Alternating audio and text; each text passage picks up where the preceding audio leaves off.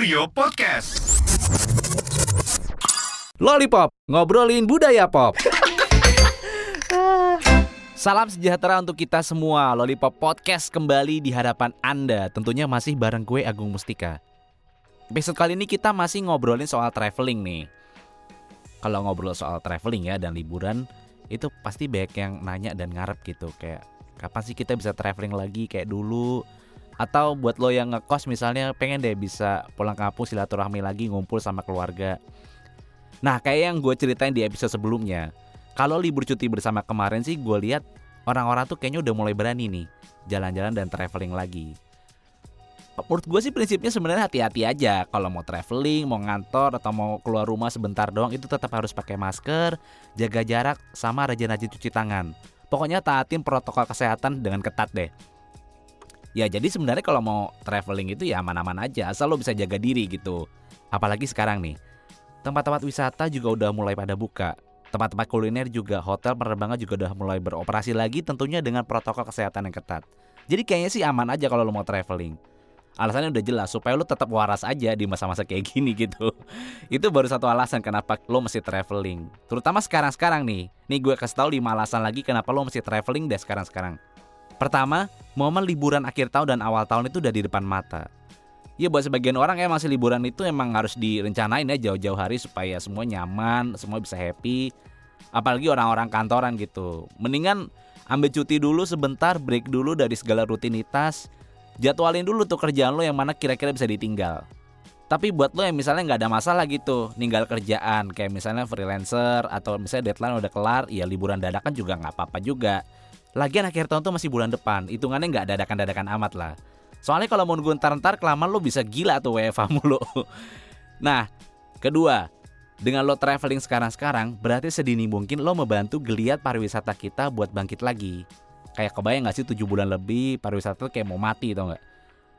Tempat-tempat tuh banyak yang sepi, bodoh-bodoh pengunjung. Karyawan yang kerja di pariwisata tuh aja pada dipecat-pecatin gitu. Jadi tenaga buat ngurus tempat wisata tuh berkurang karena ya pada nggak keurus dan ya biayanya dari mana kalau misalnya lu nggak traveling gitu loh, lu nggak nginep di hotel. Nah kalau pada traveling lagi kan mereka yang kemarin-kemarin nggak ada kerjaan jadi ada kerjaan lagi gitu. Ketiga tau nggak ini alasan yang nggak kalah penting kenapa lo mesti traveling lagi. Sebenarnya dengan kita traveling atau liburan, secara langsung kita tuh berkontribusi ngidupin lagi roda ekonomi baik makro atau mikro yang lagi mati suri lah selama pandemi ini. Ya gue sih nggak nggak ngerti sosokan ekonomi makro mikro sih. Tapi nih contoh paling gampang gini deh. Nih lo traveling lo kan udah pasti pakai transportasi dong kereta atau pesawat. Nah itu cukup membantu perusahaan-perusahaan maskapai. Nah ini jauh lebih penting. Kalau lo traveling lo pasti makan kan? Lo pasti jajan dong. Lo kan juga pasti beli oleh-oleh juga pasti. Nggak mungkin enggak nah kenapa penting? Dengan lo traveling lo sangat membantu ekonomi mereka-mereka yang punya usaha-usaha kuliner baik restoran atau street food misalnya lo bantu mereka para pengrajin atau oleh-oleh khas daerah lah supaya bisa dapat penghasilan lagi. Keempat, tujuh bulan pandemi bikin perusahaan-perusahaan terkait pariwisata itu memble dong. Gak ada yang pergi pakai kereta, kapal laut, pesawat, hotel-hotel penginapan juga pada sepi. Ya beberapa ada sih yang misalnya udah nyerah gitu lah, udah gulung tikar aja gitu. Tapi banyak juga yang nyoba bertahan dengan cara kasih promo, diskon gede-gedean, banyak paket-paket liburan seru, murah dan membahagiakan dompet. Kapan lagi bisa liburan ke sono kemari tapi semua harga transportasi sama akomodasinya tuh murah-murah gitu.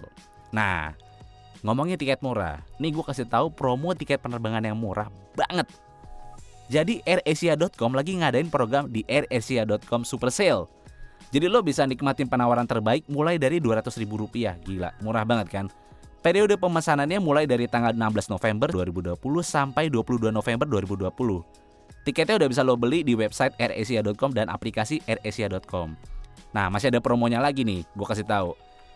Ada diskon 50% semua kursi penerbangan, tapi cuman penerbangan domestik nih. Periode pemesanannya dari tanggal 16 November 2020 sampai 22 November 2020. Sedangkan periode terbang ya dari tanggal 23 November 2020 sampai 30 Juni 2021. Gila masih bisa tahun depan loh. Tiketnya juga bisa lo pesan di website airasia.com dan aplikasi airasia.com. Asik kan? Makanya pesan sekarang juga, kapan lagi lo bisa jalan-jalan ke Jakarta, Surabaya, Bali, Lombok, dan destinasi menarik lainnya dengan harga hemat. Nah, terus ada 5 rute baru nih dari AirAsia, yaitu Jakarta ke Palembang, Pekanbaru, Padang dan Pontianak sama ada fly through dari Bandung ke Bali loh. Jadi buat lo yang domisili Jawa Barat sekarang udah bisa tuh ke Bali dari Bandung, gokil nggak? Nah, nggak cuma maskapai Air Asia sebenarnya. Di Flybion lagi ada diskon juga sampai 10% maskapai apa pun ke mana aja. Periode pemesanan juga masih sama dari tanggal 16 sampai 22 November 2020. Periode terbangnya dari sekarang sampai 31 Oktober 2021. Lo bisa pesan tiketnya di website airasia.com dan aplikasi airasia.com. Gak usah pakai lama, buruan cek promonya di website dan aplikasi airasia.com. Soalnya masih banyak banget promo-promo yang bisa lo dapetin. Pesan sekarang gak pakai lama, karena airasia.com untuk kita. Sekian dulu podcast Lollipop episode traveling. Kita ketemu lagi pekan depan dengan episode-episode seru lainnya. Bye.